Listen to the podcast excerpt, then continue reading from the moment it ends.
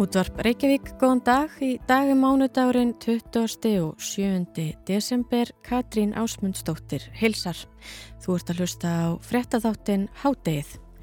Það er óætt að segja að tvent hafi staðið upp úr á árinu og tekið yfir nær alla fjölmiðlaumfjöllun, COVID-19 heimsfaraldur og eldgós í Fagradalsfjalli.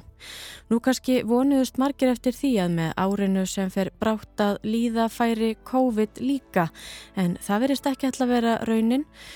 Því aldrei hefur verið meira um smit en einmitt nú með slegin dag eftir dag og alltaf tveggja tíma byð eftir sínatöku. Væntingar til eldgossins voru kannski aðeins aðrar.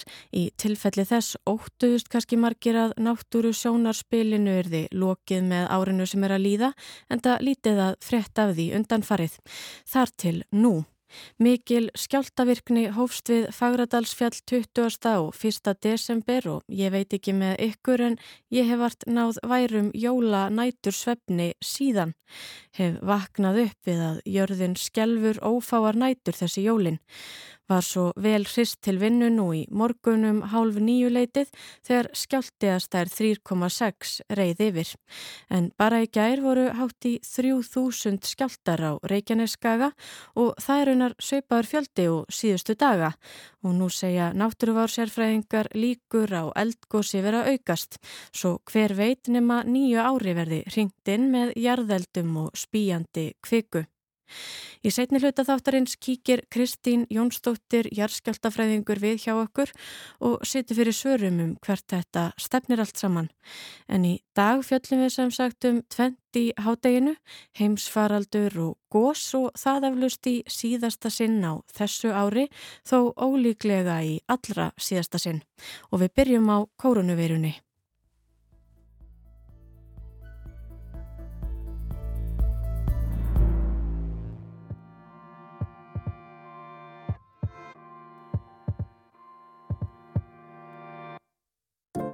Það er erfitt að finna orð sem lýsa heimsfaraldrinum nægilega vel. Hrein ömurðir hugtak sem ég finnst kannski best ná utanum leiðindinn og hörmungarnar sem hafa gengið hér yfir á heimsvísu vegna ör smárar veiru. En alltaf má finna ljós í myrkri.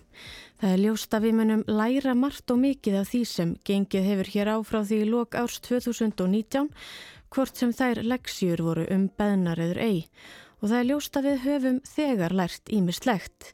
Nú kann maður almennilegan handfott, alls konar ný orð, reyndar með skemmtileg, hafa bæst við orðaforðan og eru komin í nánast daglega nótkun eins og sóttvarnar yfirvöld. Gríska stafrófið hefur átt stórkostlega endurkomu, Ómikrón stendur vist fyrir bókstafin Ó en ekki gríski bókstafurinn Omega. Við höfum eflaust mörg líka verið mynd á hvað félagslega samskipti skipta okkur miklu máli og samveran með þeim sem okkur þykir vænstum. Aðrar leksjur verða svo eflaust ljósari í baksíni speiklinum þegar faraldurinn kemst loks þangað einhver tíman að endingu. Eitt er þó ljóst, þegar reynir á mannkynnið getur ímislegt gerst. Á þessum kórónuveiru tímum, fordæmalauðsum og sögulegum hefur maðurinn þurft að nýta sér alls konar eiginleika sína á nýjan og áður ófyrir síðan hátt. Þarna má nefna eiginleika eins og útsjónarsemi, hugvitsemi, uppfinningasemi, framkvæmdar og verkvitt og svo mætti lengi telja. Þau eru nokkur dæmin sem sína og sanna það þó það sé kannski á misjákvæðan máta. Ímyndunarabl og útsjónarsemi eins einstaklingsvakti til dæmis mikla eftirtekt á heimsvísu nú í upphafi mánadar. Þegar ítölsk stjórnvöld hertu samkomutakmarkanir og reglur um bólusetningavottorð í óþökk margra voru góð ráð dýr fyrir þau sem ómögulega vildu þykja bólusetningu en vildu eða þurftu engu að síður að geta notið þeirra samfélagslegu réttinda sem slíkri bólusetningu fylgir þar í landi.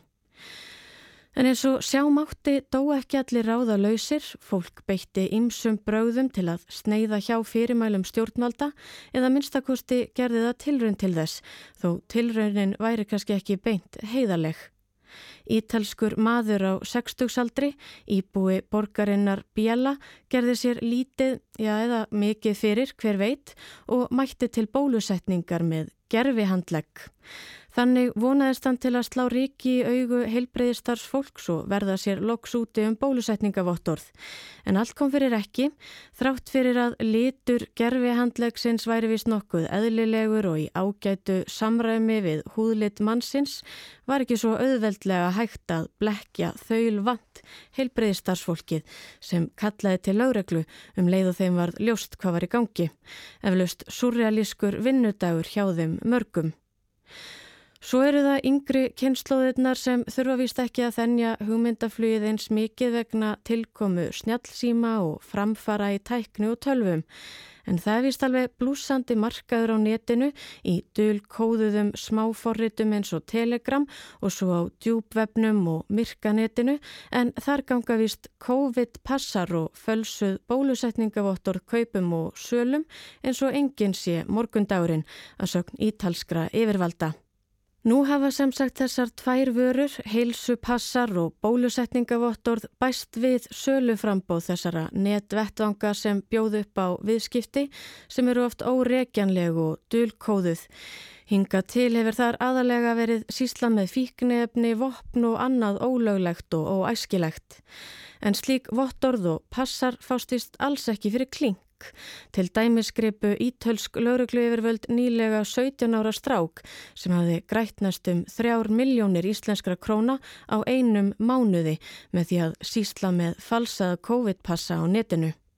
Sá var vist í nánu samstarfi við rústneska hakkara en laurugla segir vandamálið ekki einskorðast við Ítalju, heldur keppist aðilarum alla Evrópu við að mæta þessari nýju og sérstæðu eftirspurn sem nú hefur skapast, sem laurugla segir mjög mikla. Lögmál markaðarins, frambóð og eftirspurn virðast í ennega við í heimsfaraldri, líka í ólöglegu COVID-braski þó landslögin séu kannski ekki sama sinnis. En við rannsókn málsins kom í ljósað til eru staðlaðir verðlistar fyrir þessi COVID-skjöl og að meira segja er veittur magn afsláttur fyrir fjölskyldur sem vilja fjárfesta í passa fyrir alla meðlemi fjölskyldunar. Í stað þess að býð eftir að aðrir gangi í verkið hafa sömur kosið að leggja hönd á pló og skapa, þróa og framleiða sitt eigið bóluefni við skæðri veirunni. Það var í það minsta raunin hjá aðtapna og uppfinningamanninum Winfried Stöcker sem tilkynnti strax í april í fyrra að hann og hans fólk væri byrjað að þróa bóluefni gegn COVID-19. Hann hefði raunar þegar reynda á sjálfum sér. Hins vegar fekk hann ekki leifi eða viðurkenningu þar til bara yfirvalda fyrir nótkun bóluefnisins. En líkt og áður nefndir lausna miðlarar dó hann ekki ráða laus. Stökker sem á flugvöll í borginni Lúbekk í Þískalandi ákvaðað samt finna bransana tvo, bóluefnin og flugvallastarsemina og bjóða farþegum og flugvallagestum upp á bólusetningar með bóluefninu sem hann sjálfur þróaði og það við alveg ágætar undirtæktir gesta og gangandi held ég að sé óætt að segja en þegar lögreglu bara gardi því uppáttækið stangaðist verulega á við livjalög voru um 150 manns í byðröði brottfarasal flugvallarins eftir að fá að prófa bóluefni frumkvöðulsins á eigin skinni. Um 80 mann stóðu fyrir utan flugvallin. Samkvæmt lauruglu yfirveldum var búið að bólusetja um 50 manns þegar þið bara gardi en laurugla lagði held á bóluefnið, notaðar spröytur og tæmt livjahilki á samt listum yfir það fólk sem þegar var búið að bólusetja. Þá svo eftir að koma í ljós hver áhrif og virkni bóluefnisins eru á þessa 50 í þessari óformlegu og óheðbundnu bóluefna tilraun aðtapnamannsins Þíska. Þá hefur borið á ákveðinni þróun í koronaveiru glæpa málum en eftir því sem liðið hefur á faraldurinn, eftir því sem sótvarna aðgerðir hér á Vesturlöndum hafa verið hertar, þeim aflétt, þær hertar á ný og svo aftur aflétt og allt það og eftir því sem bólusetningum fjölgar og skamtarnir verða fleiri hafa glæpirnir þróast samhliða ástandinu. Í upphafi faraldursins var greint frá annars konar brotum en þeim sem við sjáum nú. Þá bara á því að fólk reyndi að koma sér fram fyrir bólusetningaraðir með ymsum klækjum eða mútum. Sumi reyndu að verða sér úti um bóluefni með brellum og bröðum, svo sem verslaða á myrkavefnum. Til dæmis slitu yfirvöld í Filadelfíu í bandaríkunum samningum við fyrirtæki sem átti að sjáum að dreifa bóluefni til þúsunda íbúa borgarinnar nú í upphafi ás eftir að uppkomst að stopnandi fyrirtækisins hafi stólið bóluefni í eigu borgarinnar til að bólusetja vini sína. Nú ber kannski meira á glæpum sem miða því að koma sér undan því að þykja bóluefni eða koma sér undan sóttvarnareglum og aðgerðum stjórnvalda hér á Vesturlöndum. Það er svo kannski spurning fyrir aðra en umsjónamann hvort draga með einhverjar álíktanir af þessari þróun, til dæmis hvort hún segja okkur eitthvað um samfélagið, faraldurinn og samband stjórnvalda og almennings í baráttu við veiru. Gós hófst eftirminnilega í Fagradalsfjalli 19. mars eftir mikla jærskjálta hrinu á Reykjaneskaga. Síðan þá hefur gósi með nokkrum hlýjum þó og endalust margir hafa lagt leið sína gósinu til að líta þetta stórkostlega náttúru undur augum. Sjónarspilið hefur kannski þjóna sem ákveðið mótvægi við nýður drepandi kórónuvesenni síðasta ár og kannski gerðu einhverjir sér væntingar um að það myndi halda því áfram. En um miðjan mánuð leit ekki út fyrir að svo erði. Þá hafði ekki sérst renna úr eldstöðinni í þrjá mánuði og atbyrðinum sem hófst með gósi 19. mars var líst lokið. Síðan þá, eða nánar tiltekið síðan 21. desember hefur jörðin vart gert annaðverðist vera en að láta vit af sér. Þúsundir jarðskjálta hafa orðið síðustu daga á Reykjanesvæðinu, margir hverjir öflugir og svo öflugir endar að jóla kvildinni hefur víða verið spilt. Og nú bara rétt í þessu reyð einn slíkur yfir sem átti finna fyrir hér í efstaleitinu 2,7 stærð. Og nú segja náttúruvár sérfræðingar líkur á eldgósi aukast. Maður má þá kannski fara að vona að nýju ári verði ringt inn með jarðeldum og spíjandi kviku og eldglóandi rauni þó úr óhuldri fjarlægð. Eða hvað? Til okkar er komin Kristín Jónsdóttir, jarðskjaldafræðingur og hópstjóri náttúruvárvöktunar á veðustofni. Velkomin. Takk. Hvað er að gerast? Er gósi vændum og er það þá nýtt eða er það áframhald af uh, hinnu gósinu? Já, það uh, stendur yfir járskjáltarheina eins, eins og þú sagðir og þessi járskjáltarheina er til marg sem það að, að kvika er að þrista sér af tölurveru dýpi á minna og minna dýpi.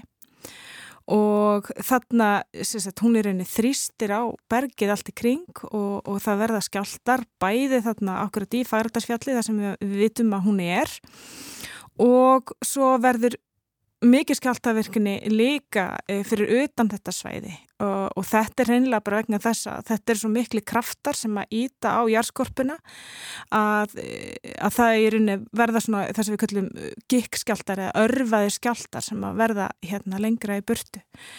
Um, á meðan á þessu stendur og, og það sem við í rauninni hefum verið að sjá er að bara kvikan hún verður grinnri og grinnri og, og nýjustu aflegunar mælingarna sína það að kvikan er á sérst, mesta þenslan er á um 2 km dýpi að þá auðvitað aukast líkunar því að það verði gós þannig að e, já, mér finnst bara mjög sennilegt að, að, að það komi annað gós og við tölum þá um annað gós þó þetta sé vissilega sami staður. Og við getum sagt svona í sömu sirpunni eða þannig að þá er þetta, þetta annar kabli og annar gós e, sem hugsalega er e, að hefjast. Vitu við eitthvað sko hvenar hugsanlega, hvort að verða þessu ári eða á því næsta og einmitt líka sko hvort að svona hversu umfangsmikið það verður, hvort að það kannski stafi einhver hætt af því og hvort að það sé nálagt eh, nær byggð heldur en var og þess aftar. Það bendir allt til þess að svæðir sem umræðir er bara mjög nálagt þessum góðstöðum sem voru virkar hérna í Geldingadölum uh, frá 19. mars til 18. september og, og hérna það er auðvitað alveg hugsalegt að þetta gerist eitthvað aðeins svona lengra í burti frá þeim en, en, en hérna þetta er svona það svæði sem við erum að horfa á að því þarna sjáum við uh, mestu skjáltaverkuna vera og þarna sjáum við líka að, uh, að mesta þenslan er á þessu svæði þannig að við vitum að, að kvikan hún er þarna um og hins spurningi var? Hvort að við sko vitum eitthvað hvenar Já, hvenar, einmitt. Og þarna er nefnilega átaldi ágætt að horfa á síðasta hvernig aðdraðandin var e, fyrir síðasta gós og það sem kom okkur verulega óvart þar var að, að hérna, í rauninni svona frá eila 15. mars að það fór að draga mjög úr skjáltaverkni þannig að það liði þarna nokkri dagar það sem að, að hérna, var bara mjög rólegt af vaktinni og við vorum jafnvel farin að hugsa að það er ekki neitt gós og svo bara kom það þannig að þetta er þá kannski líka merkir sem við erum að horfa eftir núna að í rauninni að það svona slakni aðeins á skjáltaverkninni og, og svona drægi úr henni og, og svo auðvitað er það þá þessi grunnu skjáltar, bara litlir, ógreinleir, ljótir grunni skjáltar sem, a, sem að við erum að reyna að fylgjast með. En þeir auðvitað hverfa kannski daldið í þessari súpu, þetta er alveg svakalig súpa á skjáltum, við erum að tala um að e, sjálfurska kerfið hefur mælt um 18.000 skjálta síðan 21. desember. Og, og þetta er bara mikið flækja sem að, að þarf þetta greiða úr. En hérna En sko þegar við skoðum svo bara svona stæstu skjáltana eh, og berum saman við eh, virknina, ef við tökum til dæmis alla skjálta yfir þremur, að þá er þetta kominir 86 skjáltar og af hverju það áhugavert? Jú, að því að skjáltar yfir þremur á þessum stað, við mögum búist að því að þeir finnist á höfuborgarsvæðinu og finnist í hérna, auðvitað Grindavík vel og, og, og og, og byggðin á Reykjaneskaganum. Þannig að 86 skjáltar er það sem við erum búin að þóla hérna frá 21. desember. Það sem að, hérna, er líka áhugavert svona þegar við berum saman skjáltavirkuna nú og þessa hrínu sem var í vor, að þá er hún ekki jafn kröftug. Þó þetta séu svona margi skjáltar að þá er sko orku útlustnin um, sem við erum búin að upplega núna sagt, er bara um eitt tíundi af því sem að var þarna á sem þreymir vikum í vor. Einmitt þá kannski hugsa maður sko því að ég fann ekki mikið fyrir síðustu reynu en svo núna einhvern veginn hefur maður verið að eins og finna skjálta sem er kannski 2,7 og svo fyrir skjálta sem er 3 og svo ekki fyrir öðrum sem er kannski 3,7 eða sko hvað veldur? Af hverju finnum maður fyrir sömum og öðrum ekki? Já, einmitt. Það sem að skipta náttúrulega máli í þessu er ekki bara stærðin, heldur líka fjarlægin í skjáltan.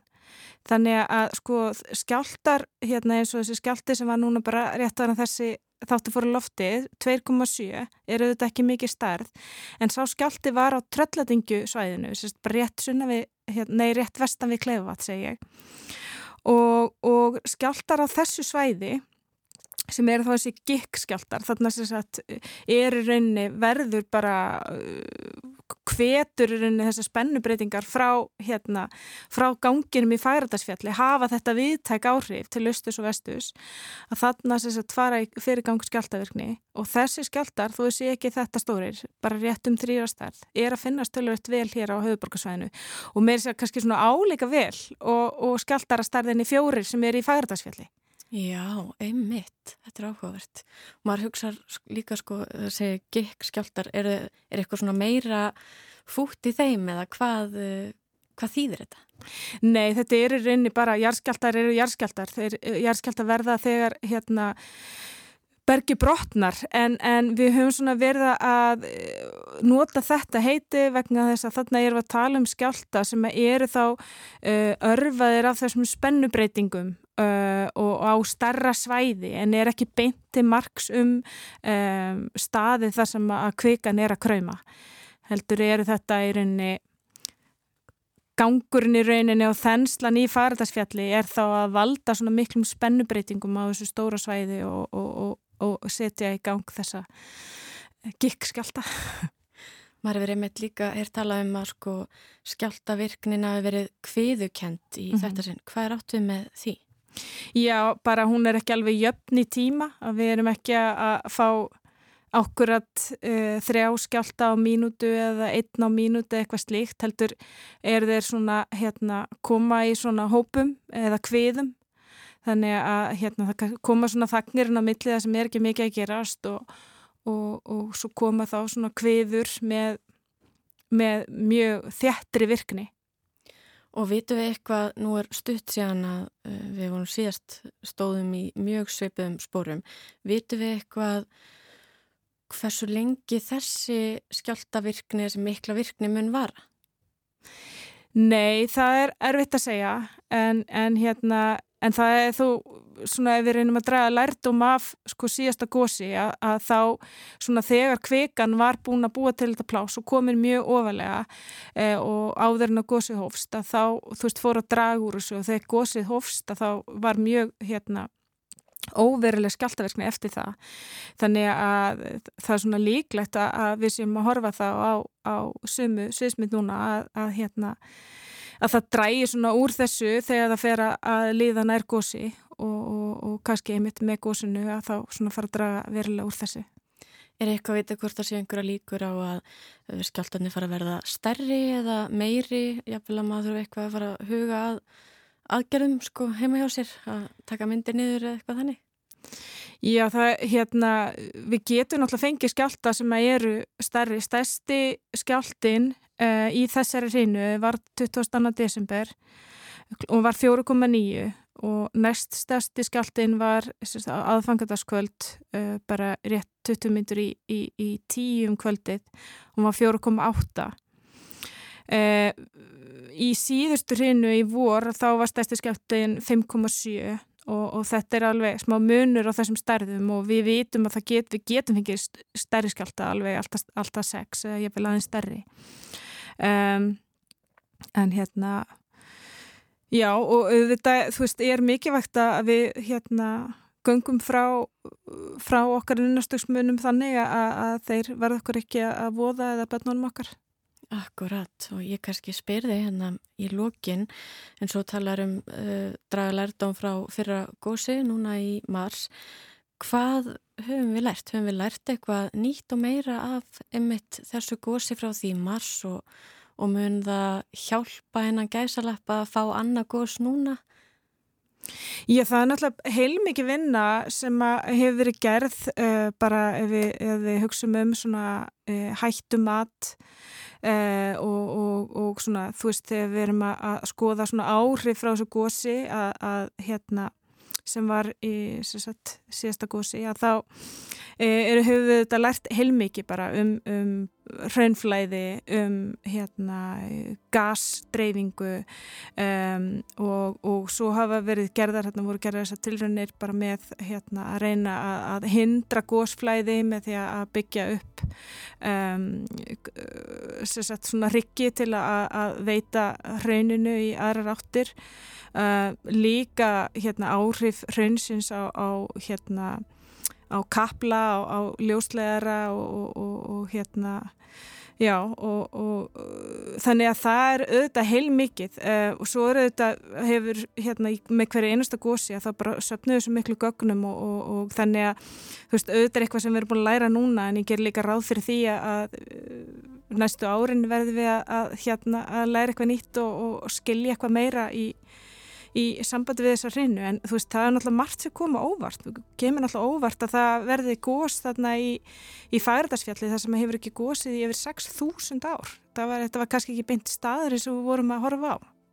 Einmitt og við kannski förum þá strax betur undirbúin ef það verður gós núna aftur þá erum við kannski strax mun betur undirbúin heldur en við vorum í mars. Já, ég myndi segja það Akkurat við komumst vist ekki lengra sinni en það er séns á því að þau okkar sem að náðu ekki að sjá gósið berum augum í mars eigi nú annan séns á því.